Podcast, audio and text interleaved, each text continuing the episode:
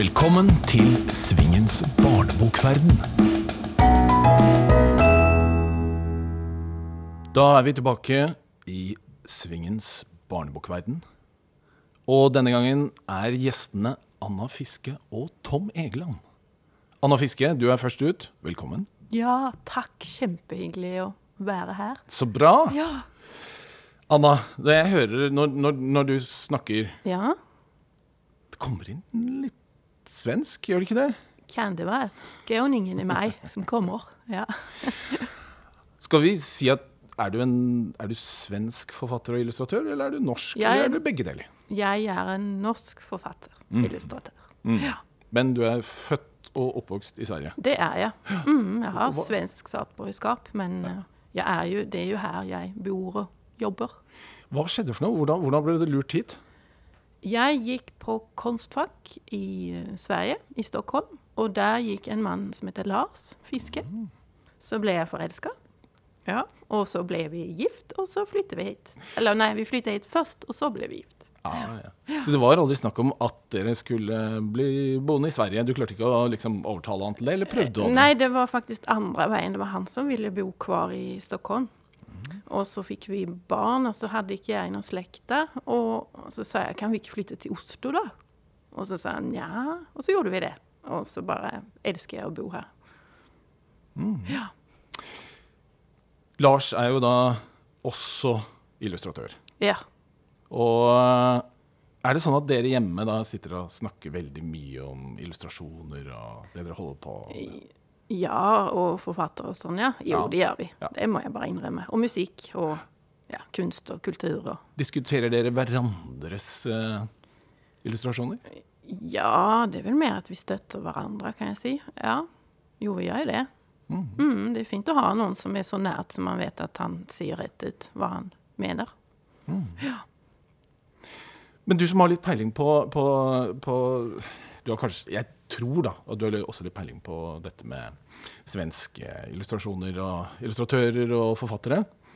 Eller kanskje du ikke har det? Det har jeg ikke. Nei. Nei, ikke nå. Jeg har fra da jeg vokste opp og fra eh, jeg studerte der, men ikke nå. Nå har jeg mer peiling på norske kolleger. Jeg setter på oversikten over hva som blir oversatt av eh, barne- og ungdomsbøker i Norge. Så er det ikke noe tvil om at eh, land nummer én, det er USA. Ja. Men land nummer to, det er Sverige. Oh. Ja. Så det, vi oversetter veldig mye svensk barne- og ungdomslitteratur. Ikke fullt så mye som blir oversatt andre veien. nei. Jeg er nesten ikke oversatt. eh, Du er ikke det? Nei. Jeg har f.eks. ti bøker på svensk. Ja. Men jeg har aldri blitt invitert på en eneste litteraturfestival i Sverige. Det var dårlig. Nei, nei det var dårlig. Altså møter jeg jo alltid svenske forfattere og illustratører på norske festivaler. Ja, Tror du de har færre? ja kanskje det. Det kan være Nei, det tror jeg ikke. Eller kanskje de tenker at hvis vi skal invitere noen utlendinger, så tar vi noen som er fra litt lenger borte. Å ja, noe. Mm. noe som er litt mer mystisk. Ja. Nei, nei, det der må man bli forandre. Du, Anna, du begynte med tegneserier. Ja. Var du en som leste ekstremt mye tegneserier som barn? Ja, jeg hadde Da jeg var barn, så hadde jeg veldig lese- og skrivevansker. Jeg klarte ikke å lære meg å lese i første klasse. Og broren min kunne jo lese før han gikk på skolen. Jeg, jeg fikk det ikke til.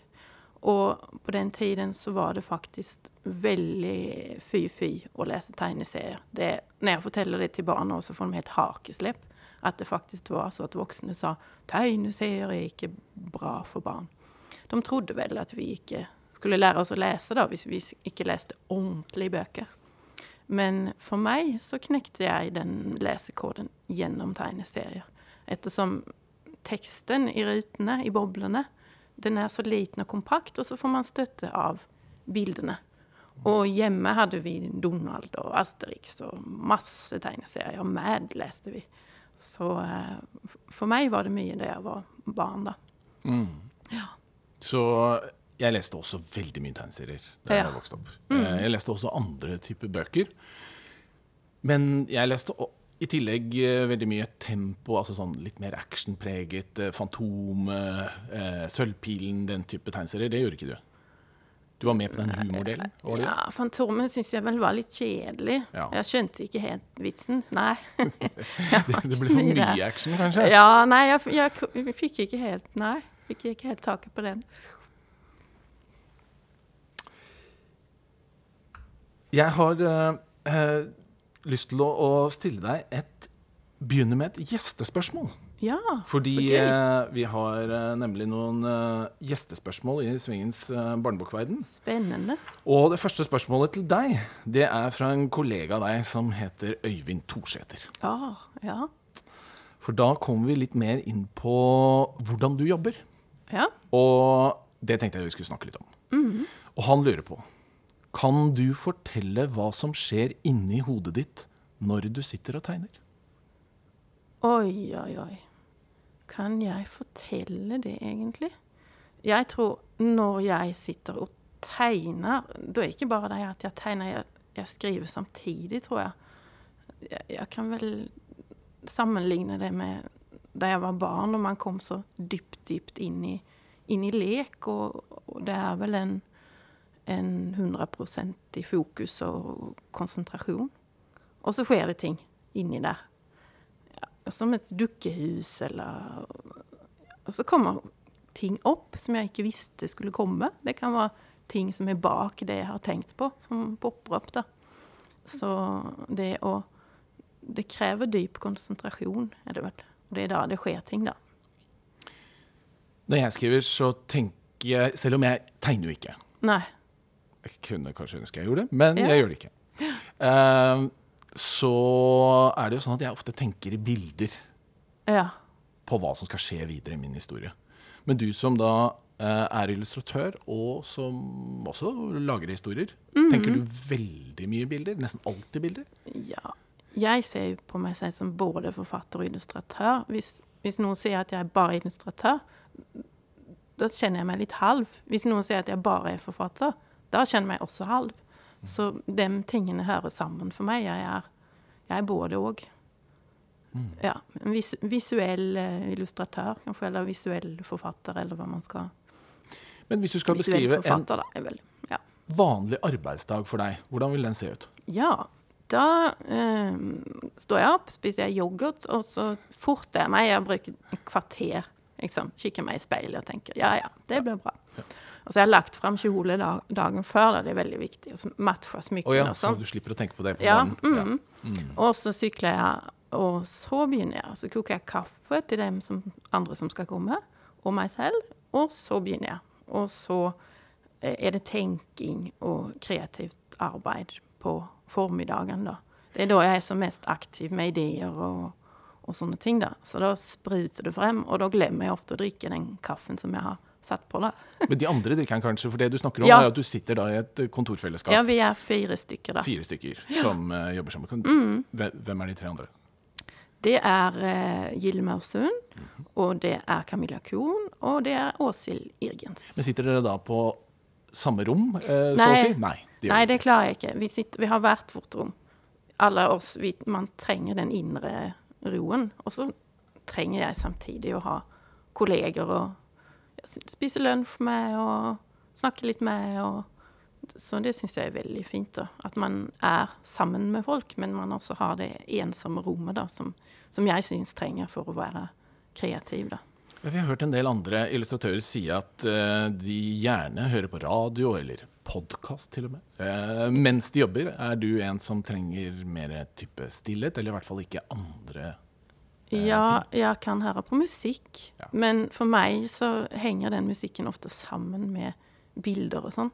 Men jeg kan ikke Jeg klarer ikke at noen snakker i telefonen, eller at noen snakker ved siden av meg, eller sånn ringesignaler og sånn. Da blir jeg veldig forstyrret. Ja. Men eh, så Ja. Og så har jeg en fugl utenfor jeg er veldig glad i. Den liker jeg når den kommer. Så det er en sånn fin lyd. Så det er litt forskjell på lyd og lyd, syns jeg.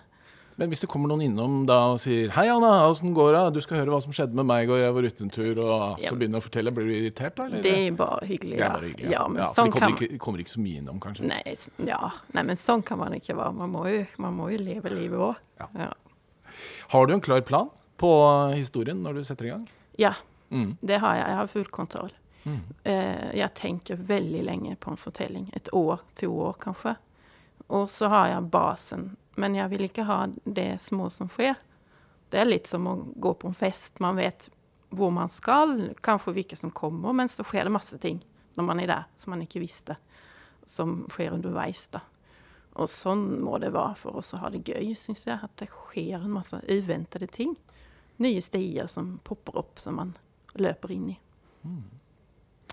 Du nevnte at uh, du ikke er så mye oversatt til svensk, men i Kina derimot har jeg hørt at det skjer ting. Ja, Kan ikke du fortelle litt? ja det er jo kjempemorsomt. De skal gi ut alle mine fem Jeg har lagd en serie som heter Hallo, som er sånn myldrebøker der alle som er med, har sin egen fortelling. Man kan følge alle, da.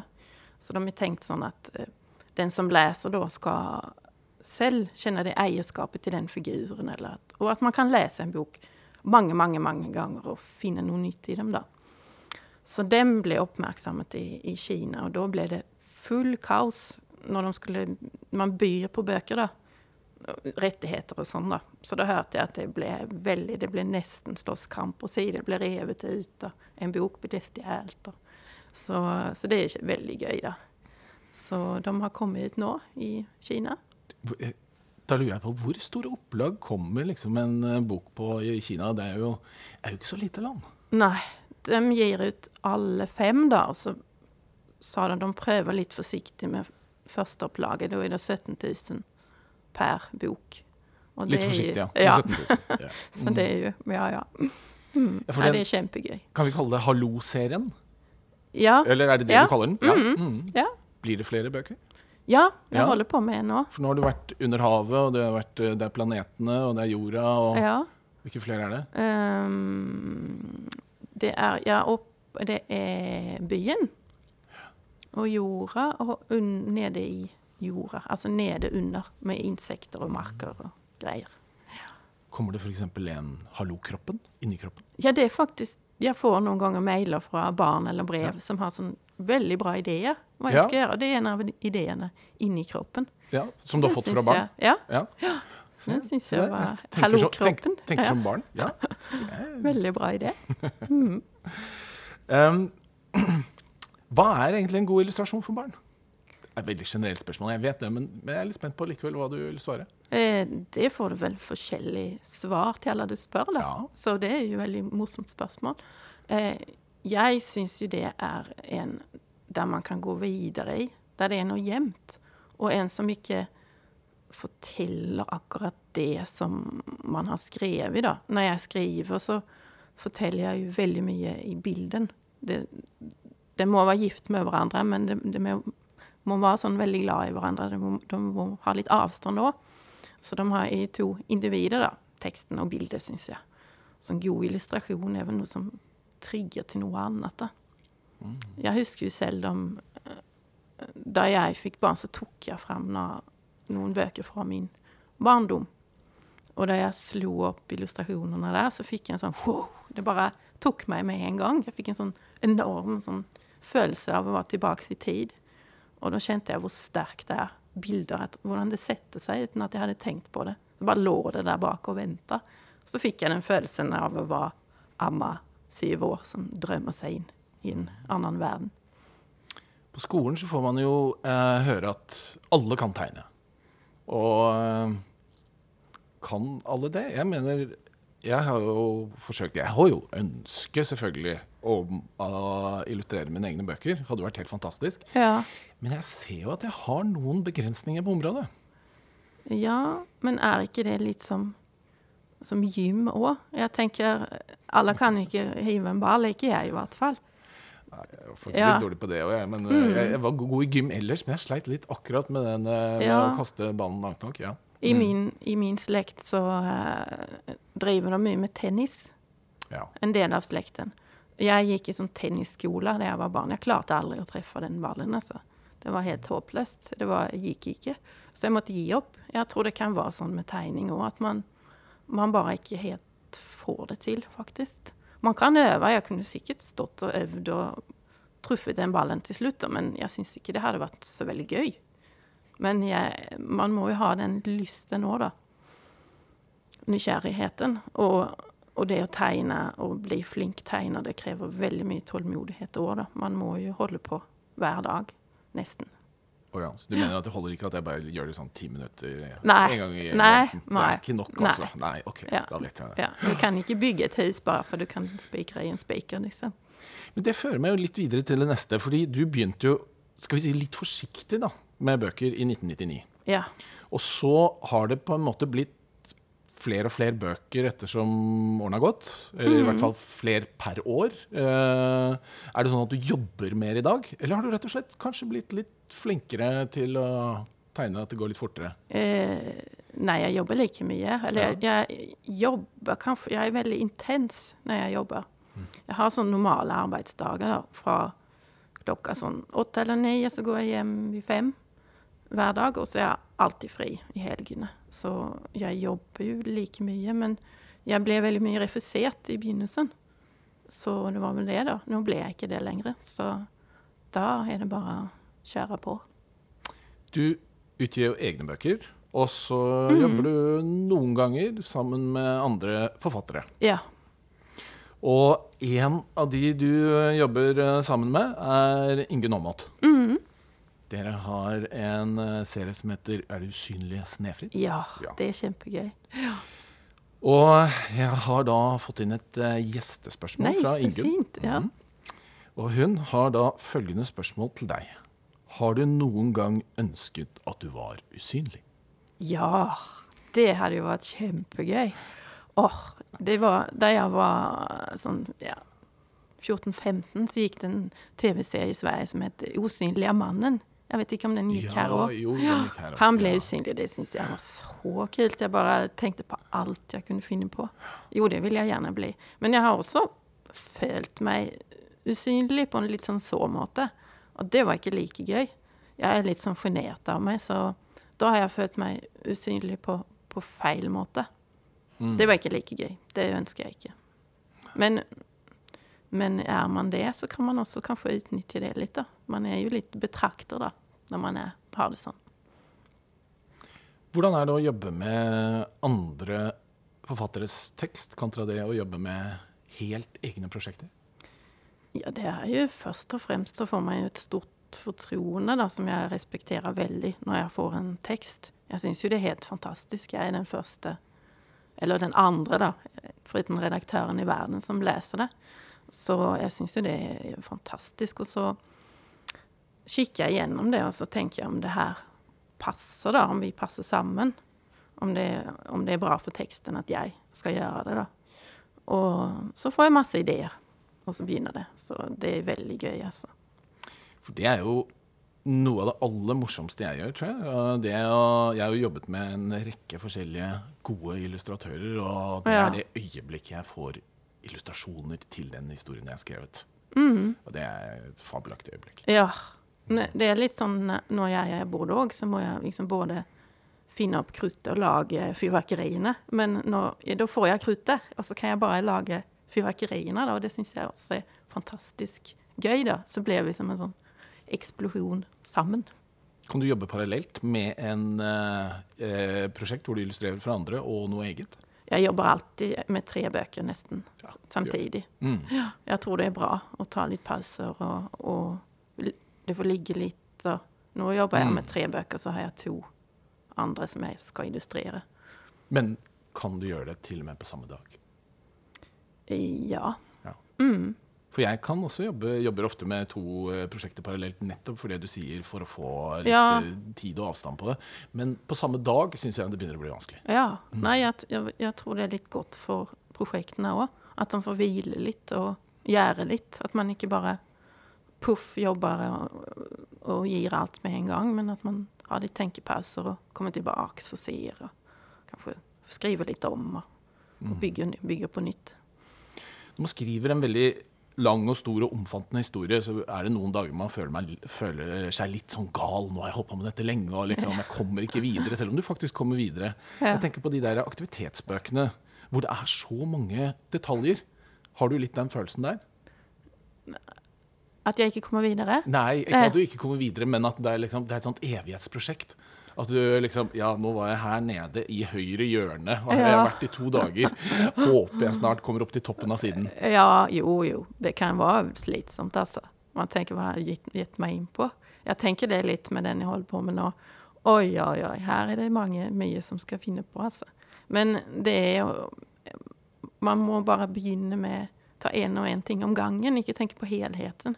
Bare begynne med det lille, da. Kapittel for kapittel, eller eh, dag for dag. Så jeg tenker I de Hallo-bøkene, eksempel, så finner jeg på eventyr til én på en dag. Og så legger jeg inn alt det. Så tenker jeg nå var jeg flink, kjempebra. Og så jeg har sånn system hvor jeg bukker litt av, da. Så kjenner jeg at jeg har wow, i dag har jeg tegna to gubber. Så. Du har jobbet en del med lesesøkebok, Ja. som er jo da altså bøker for ja, folk som ikke vanligvis leser så mye bøker. Kan du fortelle litt om de prosjektene?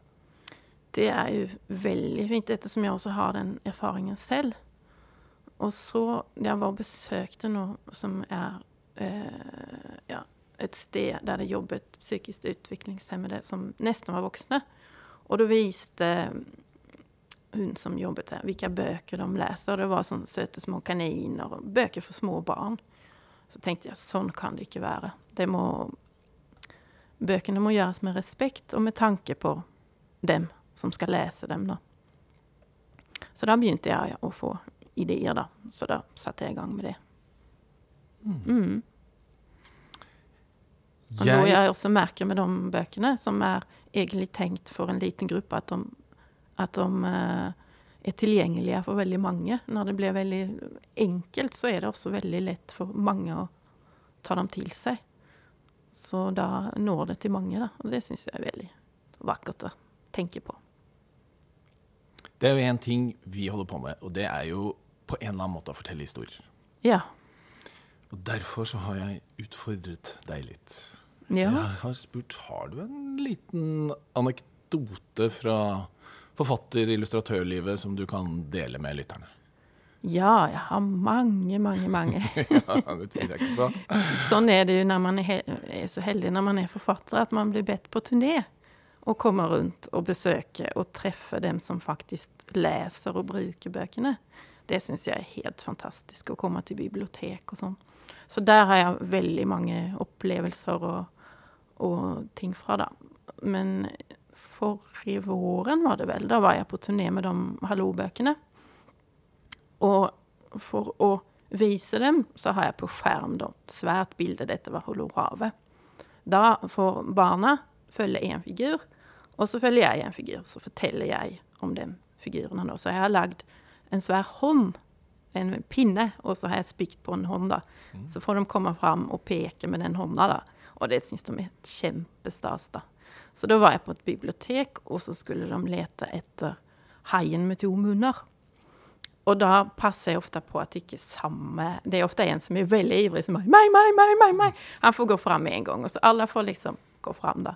Men plutselig kom det en hand opp bestemt, og jeg så henne da hun kom. Hun kom med en voksen dame, bare rett opp i været. Og så spurte jeg har du lyst å komme fram og peke, for det spør jeg alltid. Det kan jo hende man angrer seg. Så nikker hun, og så kom hun frem, og så sto hun bare der, og så ga jeg henne hånda, og så sa jeg har du sett haien? Og så pekte hun med en gang, og så sto hun kvar. Og så sa jeg nå kan du sette deg, og så nikket jeg takk, og så satte hun seg. Og så merket jeg at hun voksne damen ble så utrolig rørt, og jeg skjønte ikke helt hva det var. Og så avslutta vi. Og så etterpå så kom hun fram og sa hun jenta der hun har akkurat kommet til Norge, hun er flyktning. Hun kan ikke et ord norsk.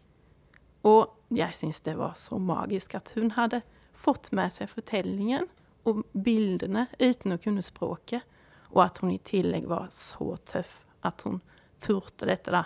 Så jeg, nei, det var helt fantastisk. Jeg ble helt sånn rørt hver gang jeg Ja, tenker på det. Og det sa så mye til meg også om fortellingen og bilder og dens makt, og hva, hva det kan gjøre med oss. Og hvor mye man kan få inn bare gjennom å se på bilder, da. Men når du reiser rundt på skoler, er det spesielle bøker du snakker veldig mye om? Nå har du jo uh, en ganske stor bibliografi. Ja. Så varierer det litt i forhold til klassetrinn, eller er det noen bøker som du mener egner seg best i sånn klasseromssammenheng? Jeg varierer. Så syns jeg det er gøy å finne på måter som jeg kan fortelle dem på. da. Ja, altså, jeg leser, står ikke og leser rett av, men jeg lager ofte noe litt ekstra ut av det. da. Så jeg varierer, da. Jeg snakker om bøkene mine om følelser, f.eks. Det har jeg gjort litt til eh, ungdomsskolen. Det er også veldig fint. da. Hva med Palle Puddel? Ja, han har jeg også hatt. ja. Kan ikke du fortelle kort om hvem Palle Puddel er?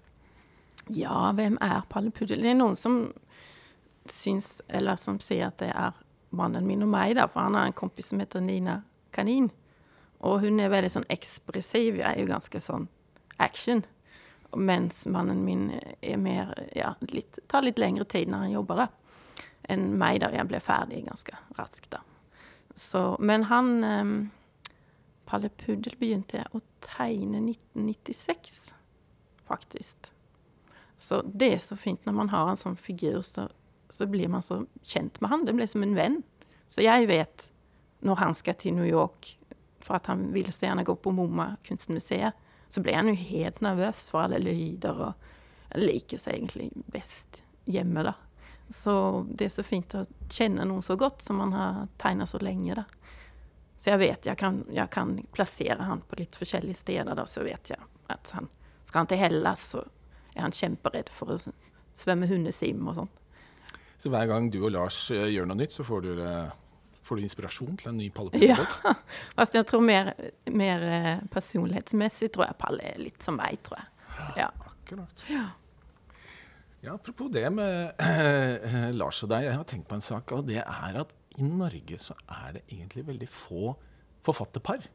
ja. Hvis du sammenligner f.eks. med skuespillere, de er jo sammen med hverandre alle sammen. Å, Mens dere er jo da et hva skal vi si, et uh, illustratør-forfatterpar. Ja. Mm. Og du har jo sjeldne. ja, Gro Dale og Svein Nyhus. Ja da, vi. det er Mm. unntak. Det er Ja.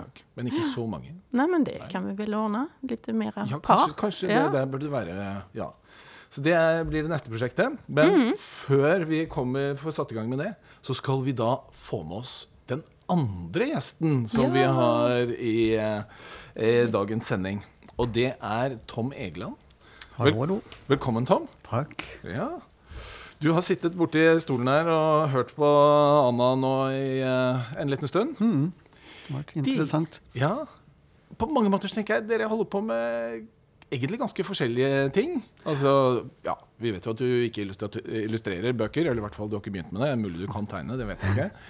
Men i hvert fall du skriver stort sett ganske tjukke, omfattende bøker. Selv de for barn er vel ganske store, de òg. Mhm. Så Og du har vel ikke hatt noen illustrerte bøker, har du det? Ikke fullillustrerte, men både voksenbøkene og ungdomsbøkene mine har noen illustrasjoner, men det er ofte si, faksimiler av gamle manuskripter, altså den type ting. Men jeg er ikke på samme måte jobbet eh, med illustratører. Et unntak er en barnebok jeg skrev for mange år siden. eh, som eh, het 'Piken i speilet', som ble illustrert av Keen Wessel, som er illustratør, og kona til en god venn av meg, som også er forfatter, Kurt Aust, som skriver historiske krimromaner. Men nå har du sittet og hørt litt på Anna. Har du kommet opp med et spørsmål som du har lyst til å stille henne? Ja, altså det er jo spennende å, å sitte og høre på dere. Og det jeg satt og lurte litt på Vi som skriver tekst, eh, eller i hvert fall jeg, da, eh, når jeg setter meg til PC-en for å skrive et kapittel eller en scene, så vet jeg sånn omtrent hva jeg skal skrive, og hva slags stemning, og hva jeg er ute etter. Når du skal tegne en illustrasjon, er det sånn at når du da setter deg til, så ser du den for deg før du begynner å tegne, eller blir den til underveis? Altså kort sagt, hva, hva er egentlig tegneprosessen? Ja, jeg syns egentlig den er ganske lik som når jeg skriver. Nå driver jeg og skriver litt sånn mer lengre tekster. Og da kjenner jeg at det er egentlig samme prosess. Man har en stor idé om hva det er man skal gjøre. Så ser man det litt sånn vagt for seg, så må man kle det inn, og så skjer det masse ting når man begynner. Så jeg ser jo Jeg vet jo hva jeg skal tegne. Litt hvordan det skal se ut, komposisjon og sånn. Men sen så må det jo skje ting underveis, da. Er det sånn at du kladder, og så fører du inn, eller? Ja, noen ganger lager jeg skisser, ja. Mm, det gjør jeg. Og så har jeg lysbord, og så tegner jeg over det. Så noen ganger syns jeg kanskje ikke det ble bra nok, og så tegner jeg om.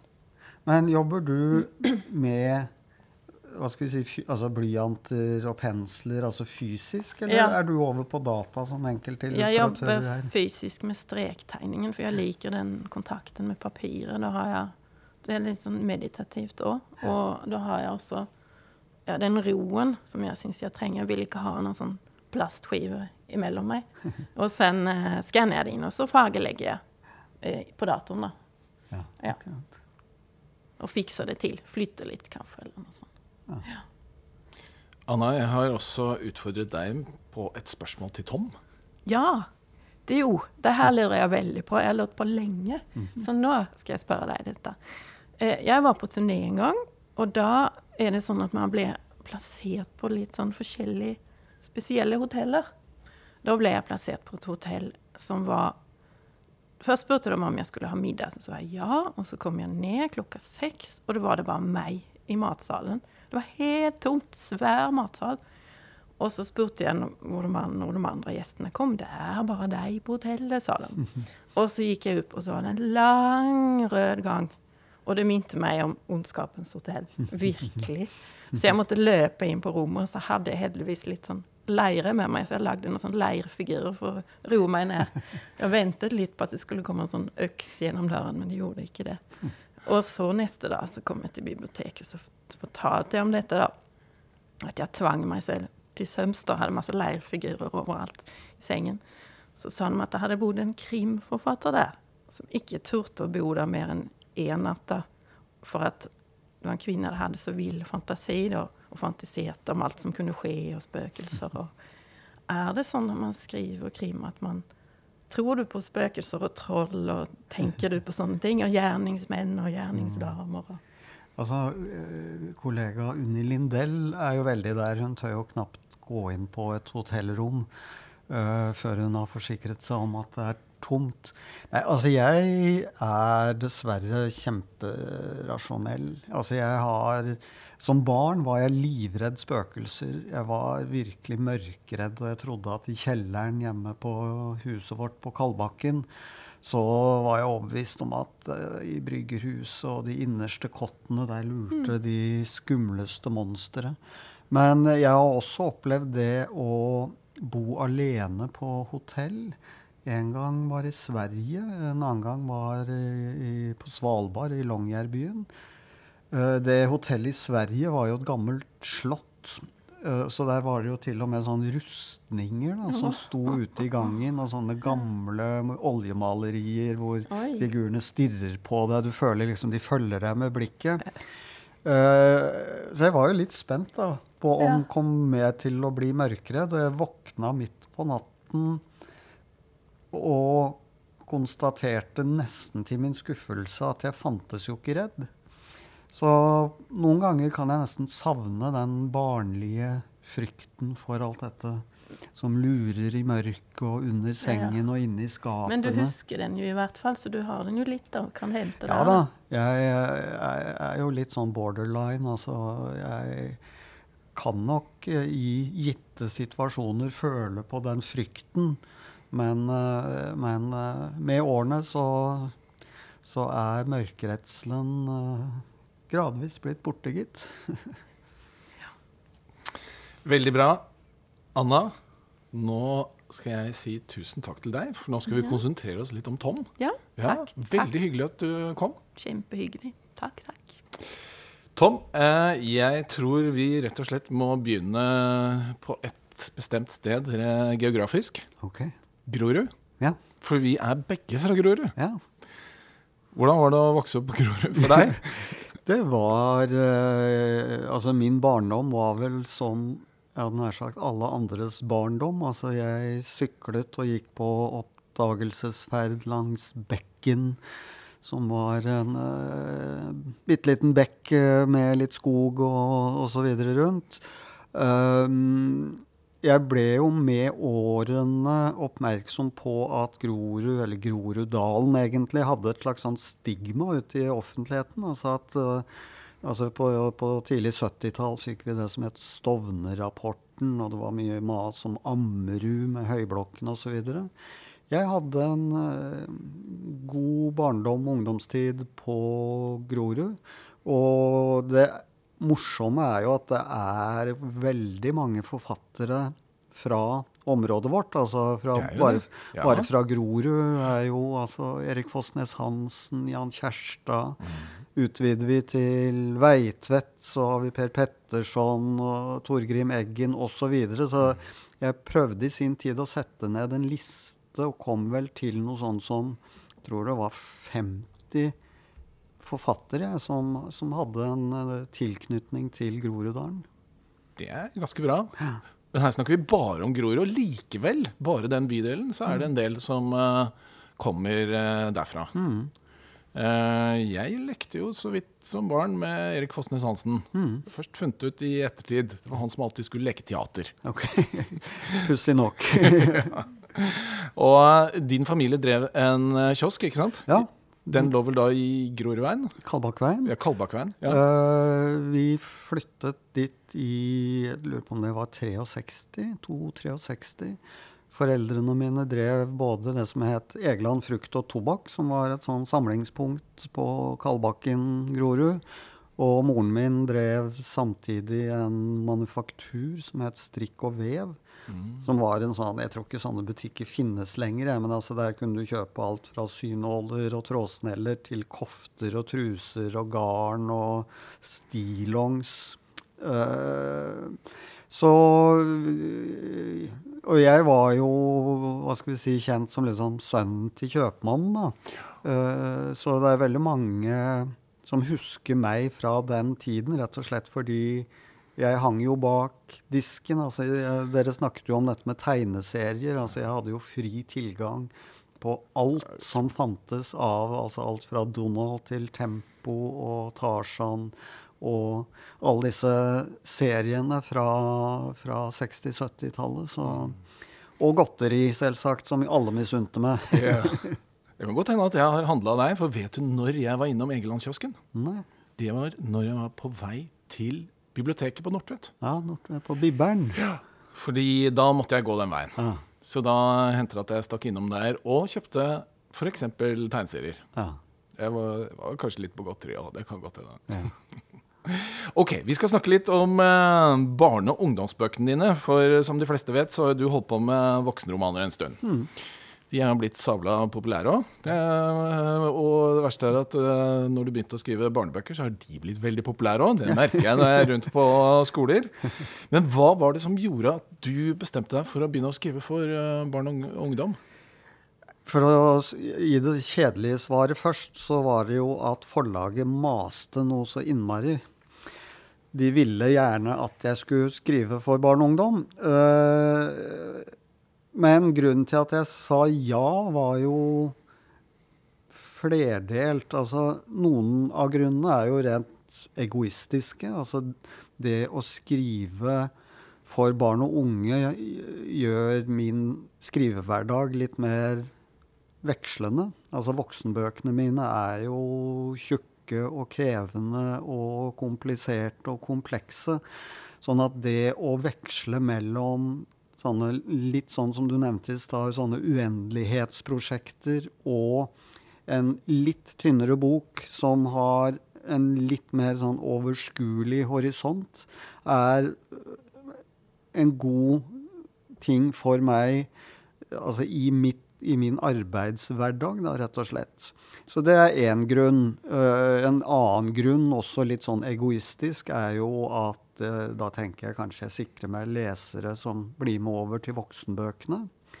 Men jeg har jo også faktisk et par mer sånn idealistiske grunner. Og uh, den viktigste av dem er jo å prøve å skrive bøker som viser lesere i hva skal vi si, min aldersgruppe, da, som er sånn 10-11-12 og opp til 15-16, jeg vet ikke nøyaktig hvor de grensene går, men en, en, en, gruppe som jo ikke er av dem som leser mest. Uh, mitt håp er jo å skrive så spennende bøker at de uh, oppdager at en bok kan være akkurat like spennende som et dataspill eller en TV-serie på HBO eller hva de nå enn fyller dagen med ellers. Og jeg tenker som så at når du først oppdager at det er morsomt å lese, som, som uh, vi alle har gjort på et eller annet tidspunkt i livet, så så, så, blir du jo fanget. Og da, da, kan du jo etter hvert begynne å lese mer krevende ting. Altså, jeg begynte jo med Hardy-guttene og Bobsy-barna og bøker som i likhet med tegneserier ikke akkurat sto så veldig høyt i kurs. Men det var min vei inn i litteraturen. Og så gikk jeg videre til Jules Verne og Edgar Allan Poe og diverse. Så, så det der å oppdage litteraturens uh, gleder er, er, er, viktig. Så hvis jeg klarer å bidra til det, så har syns jeg lykkes med noe viktig. Du nevnte at eh, forlaget hadde mast litt på deg. Mm. Og vi har fått inn et uh, gjestespørsmål okay.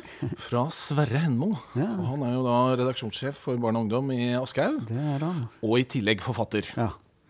Og han vil uh, gjerne spørre, spørre deg hva er forskjellig når du skal lage et plott for yngre, kontra det å skrive for voksne? da, Ja Det er ikke så veldig forskjellig når det kommer til stykket.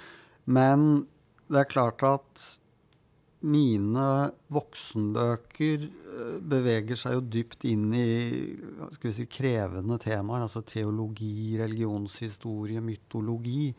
Det gjør jo også disse tre ungdomsbøkene jeg har skrevet om Robert, som da er en 14-åring som er sønnen til en arkeolog, og som er med moren sin på jobb, og, og derigjennom opplever uh, mysterier innenfor de litt samme temaene, altså historie, religion, mytologi. Så den største forskjellen er vel at jeg prøver å tenke litt enklere. Altså dette må jo være konsepter som en 10-12-åring forstår. Sånn at der hvor jeg Hvis jeg skriver en voksenbok og, og omtaler begrepet sjel, så forutsetter jeg at min leser har en slags forståelse av hva det begrepet betyr. Det tør jeg ikke når jeg skriver for unge lesere. Men det jeg har gjort, frekt nok, i disse tre bøkene, er jo å innføre noe som jo egentlig er uhørt i litteraturen. Altså jeg har faktabokser. Jeg har uh, små ramme, rammer hvor uh, hovedpersonen min, da, uh, Robert, i en fiktiv skoleoppgave prøver å forklare slike litt vanskelige begreper. Uh, og der, deri er nok også litt av altså, Tilbake til dette med hvorfor skrive for unge. Altså, uh, jeg prøver jo å være litt sånn pedagogisk òg. Altså, selv om jeg først og fremst prøver å skrive intenst spennende bøker, så prøver jeg faktisk å lære dem litt om disse temaene. Om historie, om religion, om mytologi, om okkultisme, altså alle disse litt sånn mystiske, store temaene, i håp om å tenne interessen til unge lesere. For I fortsettelsen av det så har jo da Sverre et uh, delspørsmål til. Og det er jo tydeligvis forleggeren som spør her, da. Blir det flere bøker om Robert? ja, det har han lurt på. Uh, der må jeg helt ærlig, jeg vet ikke. Jeg har, jeg har skrevet tre. Uh, og jeg har, syns jeg, en ny idé til en kjempegod ungdomsbok, men det er ikke en Robert-bok. Um, og da er vi plutselig såpass langt inne i fremtiden at jeg aner ikke. Det kan hende det kommer flere, og det kan hende det blir med disse tre. Jeg jobber litt sånn at uh, jeg har som, som, dere var inne på tidligere, til enhver tid to-tre bokprosjekter uh, gående. Og da snakker vi alltid om et, en horisont på et år eller to fremover. Og hva som skjer etter det, har jeg sjelden oversikt over. I hvert fall ikke nå.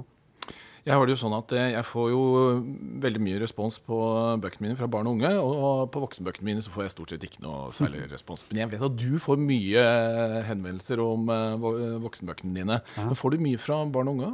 Å ja. Mm. Veldig mye. Uh, alt fra veldig rørende henvendelser, sånn type mødre som skriver at sønnen min er egentlig dyslektiker, har aldri lest en bok, så ga vi ham en av mine bøker, da, og den slukte han på to kvelder.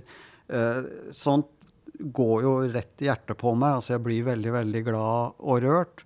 Men de henvendelsene jeg får flest av, er jo rundt innleveringstider for sånne Altså det som i min tid het særoppgave. Særemne heter det vel nå. Altså sånne fordypningsoppgaver. Og da er jo alt fra ja, egentlig noen som bare sender meg lærerens oppgavetekst og ber meg besvare, til de som virkelig har lest, satt seg inn i og skriver velformulerte, begrunnede spørsmål. Og eh, jeg svarer på alt. Eh, jeg gjør det, men det er klart at de som stiller gode spørsmål, får lengre og bedre og grundigere svar enn de som uh, i bunn og grunn ber meg gjøre leksen sin. Jeg svarer nesten ikke på noe, så det, det er veldig godt at det er noen som gjør det. da. Det er bra. Eh, finnes det en slags frihet eller noen muligheter i eh, de barne- og ungdomsbøkene som du har skrevet, som du føler at du ikke har når du skriver voksenlitteratur? Ja, Det er litt pussig, det der. For det, mine voksenbøker, særlig de seks jeg har skrevet om Bjørn Belte, er jo dypt Eh, hva skal vi si, rasjonalistiske, realistiske. De prøver jo å gi naturvitenskapelige forklaringer på bibelske gåter. I ungdomsbøkene, disse tre om Robert, så er det jo helt motsatt. Altså der har jeg et univers med Uh, Kall det magi, altså med spøkelser. Altså Robert møter mennesker som viser seg å være 1000 år gamle. Altså, om de ikke er gjenferd, så er de på en måte vesener som lever litt på siden av vårt eget univers. Og jeg har uh, lurt litt selv på hvorfor det er sånn. Altså hvorfor tillater jeg meg det i ungdomsbøkene? Kanskje det er litt deilig å fri seg fra de rammene som jeg føler uh, jeg lever innenfor, eller skriver innenfor. Jeg skriver for, for voksne.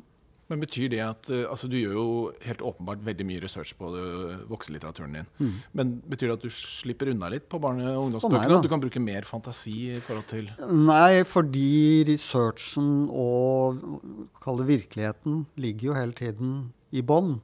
Altså i, i, min siste ungdomsroman, som heter 'Mumiens mysterium', så er jo Robert med moren sin i Egypt. Og da tematiserer jeg f.eks. dette med forbannelser, altså grav, egyptiske gravkamre, som etter sigende eh, da var underlagt forbannelser. Og prøver også å forklare sånn som eh, altså den bibelske beretning om de ti landeplager hva om de ti landeplagene har høyst naturlige forklaringer?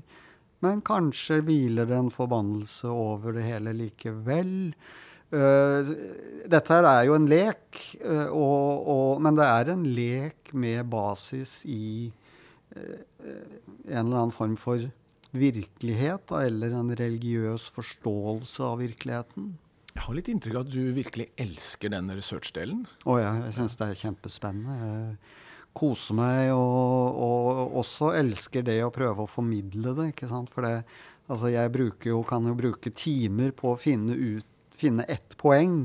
Og det å dele det poenget og håpe at leserne mine blir like fengslet som jeg blir over dette jeg finner ut, da. Eh, det, det, jeg tror det var grunnen til at jeg ble forfatter, eller da jeg som barn fant ut at uh, jeg ville bli forfatter, det var jo nettopp det Tenk om jeg klarer å skrive noe som, som, som griper en leser like sterkt som denne boken har grepet meg. Mm. Da tenker jeg spesielt på en roman som het 'Frendeløs', som, som, som, gjorde sånn inntrykk på meg som barn at jeg husker den dag i dag den følelsen av at dette har jeg lyst til å prøve å oppnå. Dette, å skrive noe som griper noen på samme måte. Jeg tror kanskje drivkraften kommer derfra. Men nå som du har begynt å skrive barne- og ungdomsbøker, leser du mye barne- og ungdomsbøker sjøl? Ikke veldig mye. Jeg blar en del. Uh, I den forstand at jeg prøver å skjønne barne- og ungdomsbøkers struktur.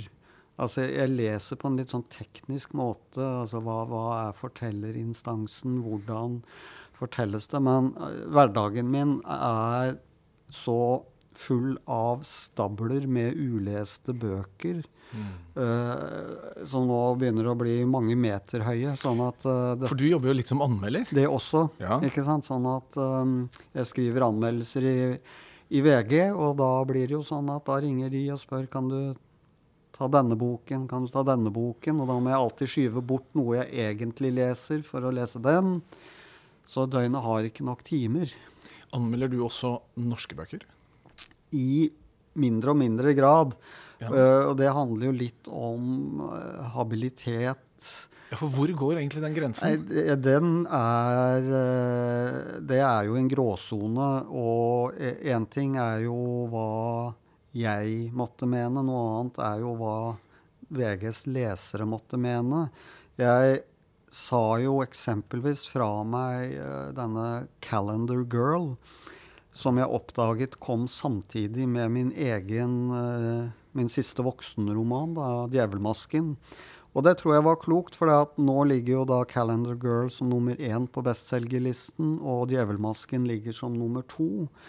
Hadde jeg anmeldt den, og hadde jeg gitt den det VGs andre, en annen anmelder ga den, var det en ener eller toer, tro, det husker jeg ikke, mm. men hadde jeg slaktet den, så kunne jeg jo med en viss rett bli beskyldt for å ha slaktet den for å bane vei for min egen roman. Så jeg har hatt litt sånn holdt meg litt unna de siste månedene, men begynner nok nå å anmelde igjen, men da i all hovedsak uh, internasjonal litteratur. Men siden dette er et program om barne- og ungdomslitteratur, så må vi kanskje opplyse lytterne om at det er bare én av de to romanene som er en erotisk roman. Ja. Men kunne du anmeldt barne- og ungdomslitteratur? I teorien kunne jeg jo det. Eh, samtidig er det nok et felt jeg føler på samme måte som sier lyrikk, at jeg, jeg, er ikke opplest nok på bredden og totalen til at jeg føler jeg ville hatt autoritet. Så Men jeg, jeg, jeg, jeg føler nok at jeg, kunne godt lest en barne- eller ungdomsbok og ment om jeg syns den var god eller dårlig. Men, men Og ikke minst hvis vi toucher inn på altså, illustrerte Altså der hvor illustrasjonen er hoved, mm. hovedvekten da, fremfor ren tekst så jeg, liksom, kan jeg bedømme om en illustrasjon er god eller dårlig. Da ville jeg nok ikke følt meg kvalifisert nok. Men du vet jo hvilket enormt arbeid som ligger bak en bok. Mm. Så syns du det er uh, lett å, Eller er, hvor vanskelig er det for deg å liksom gi en dårlig kritikk? Altså, du, boka fungerer ikke, men hmm. likevel så er det en forfatter som har jobbet enormt mm. mye med det, og som da i dine øyne ikke har lykkes. Nei, altså jeg syns ikke det er lett. Eh, det er heldigvis ikke mange bøker jeg har mottatt som jeg har slaktet. Altså eh, ikke minst fordi jeg i stor grad får eh, utenlandske bøker, så har de vært gjennom såpass mange hva skal vi si, filtre. Både i det opprinnelige forlaget og så det norske forlaget, som jo da ønsker å utgi den. Så det er jo sjelden det utgis liksom rene makkverk, med mindre vi da toucher inn i områder som vi snakket om. altså eh, Erotisk litteratur, altså 'Fifty Shades of Grey', jeg anmeldte jo en av dem. og Det er jo ikke hva skal vi si, Det er jo ikke stor litteratur, men altså det kan jo være godt håndverk eh, likevel. Men jeg tror nok eh, en styrke ved å være kombinert forfatter og anmelder, er at du har en grunnleggende respekt for, for arbeidet. Og så blir jo vurderingen eh, Er dette Altså, lykkes forfatteren med det jeg tror forfatteren ønsker å oppnå? Mm. Uh, men det er uh, aldri enkelt, og ikke minst hvis jeg er kritisk, så prøver jeg dels å begrunne det, men jeg prøver alltid også å trekke fram noe som jeg syns er positivt, selv om jeg ikke er sånn overbegeistret. Tilbake til dine bøker. Uh, det er én bok du har gjort, eller særlig én bok, da, må jeg si, som uh, jeg virkelig kunne ønske at jeg hadde gjort selv. det er den store spøkelsesboka. Ja det er en fantastisk utgivelse. Det er jo nesten et litt sånn definitivt verk på dette med eh, grøsser og mm. spøkelser, og du går gjennom alt, og det er til og med egne historier der. Hvordan kom den boka til? Var det også noe forlaget spurte om, eller Nei, kommer det fra deg? Det, den kom faktisk fra meg. Eller det var jeg var ute på lunsj med forlaget, og vi, vi satt og pratet litt løst og fast om fremtiden. Uh, og da nevnte jeg at jeg alltid har hatt lyst til å skrive en slags faktabok om spøkelser og mystikk og okkultisme. Uh, og de tente jo veldig på den ideen. Og så utviklet det seg jo uh, sånn at boken består jo dels av Det er vel 13 noveller, og så er det 12 artikler om okkultisme og spøkelser, og så er det et eget spøkelsesleksikon uh, fra A til Å med, med hundrevis av begreper da, som, som, jeg prøver å forklare for uh, barn og unge. Og både for meg som skrev boken, men også for uh, den illustratøren og grafikeren som, som som lagde boken, Marius Renberg, som har uh, vært min faste samarbeidspartner de siste ja, 15 årene på alle bøkene mine. Uh, for oss begge var dette til en sånn Conamore-prosjekt. Altså satt, jeg satt og koste meg med å skrive og finne fram en million små detaljer om spøkelser som jeg skrev, og så oversendte jeg dette til Marius, som dels lagde en serie med fantastiske illustrasjoner, men han var jo også bokens grafiske formgiver og typograf. Sånn at uh, det å holde den store spøkelsesboka i hånden og bare bla på en hvilken som helst vilkårlig side, så er det et mesterverk der av Marius, altså med små detaljer og Ja, den ser veldig bra ut, altså. Den gjør det. Så både Marius og jeg er veldig, veldig glad i, i den boka og har jobbet med den. Vi har kommet til eh, et uh, annet gjestespørsmål til deg. Okay. Det er fra Ingunn Aamodt. Ja. Hun lurer på når skal egentlig norsk bokbransjes mest profilerte hund, Teddy, få sin egen bokserie? ja, det kan du si. Kona mi har eh, foreslått at uh, jeg burde åpne en, uh, en, sånn serie med da boken 'Tom og Teddy på tur', som jo er et godt bokstavrim. Uh, så ja, si det. Uh, i, i, serien bøker jeg ennå ikke har skrevet, men kanskje burde ha skrevet, så står nok den også høyt oppe på listen. Det høres bra ut. Helt til slutt så har jeg da utfordret deg til en liten forfatteranekdote. Har du tenkt litt? Ja. Uh, jeg har jo også flere. Jeg tenkte først på en der Lars Mytte Hytting ble intervjuet i en halvtimes tid på en finsk litteratur festival som Tom Egeland. Jeg hadde nemlig måttet melde avbud, og Lars ble innkalt i mitt sted, men det fikk ikke programlederen med seg. Så Lars svarte jo på det ene spørsmålet mer merkelig enn det andre.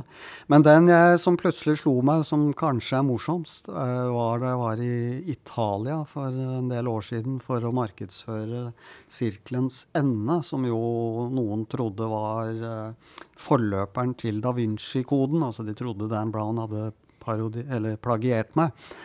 Uh, og da var jeg på et italiensk TV-show, et, et, et, slags sånn Skavlan-aktig talkshow som het Markette.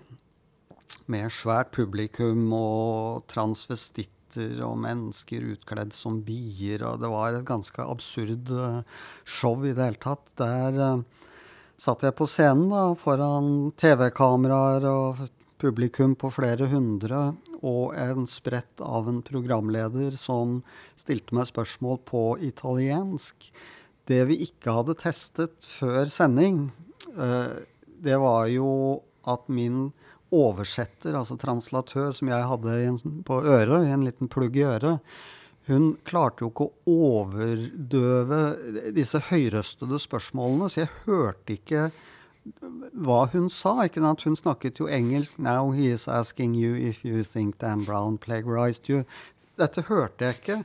Men utrolig nok, jeg kan ikke italiensk, men jeg gjennomførte altså et 20 minutters intervju på italiensk og svarte presist på samtlige spørsmål ved at jeg gjenkjente alle temaene og spørsmålene et og annet ord fra de intervjuene jeg hadde gjort tidligere på dagen. For du kan jo ikke sitte på en altså Da satt jeg på en rød stol på et podium på en scene. Og jeg kan jo ikke avbryte et TV-show og si 'excuse me, I don't hear what my translator says'. Så jeg gjettet meg fram til hva han spurte om, og etterpå var jeg kjempespent på Hadde det vært sånn 'god dag, mann, økseskaft'. Men eh, folkene fra forlaget sa nei, dette gikk så bra sånn. Så da jeg hadde gjort det, så tenkte jeg har jeg, har jeg vært gjennom dette, kan jeg gjøre alt. Veldig bra. Dette skal vi selvfølgelig invitere deg tilbake en gang og teste ut. For jeg kjenner nemlig en som uh, snakker flytende italiensk, okay. og da kan stille alle spørsmålene på italiensk. Vi får se hvor godt det går. Ikke sant? tusen, tusen takk for at du kom, Tom. Selv takk. Eh, helt til slutt så må jeg rette en takk til Cappelen Dam for lån studio. Jeg takker Anne Marte Mundal og Anette Münch. Og om en måned så er vi tilbake i Svingens barnebokverden, og da blir det en ungdomsbokspesial. Gjestene er Sigbjørn Mostu og Mamona Khan. Du har hørt på Svingens barnebokverden med Arne Svingen.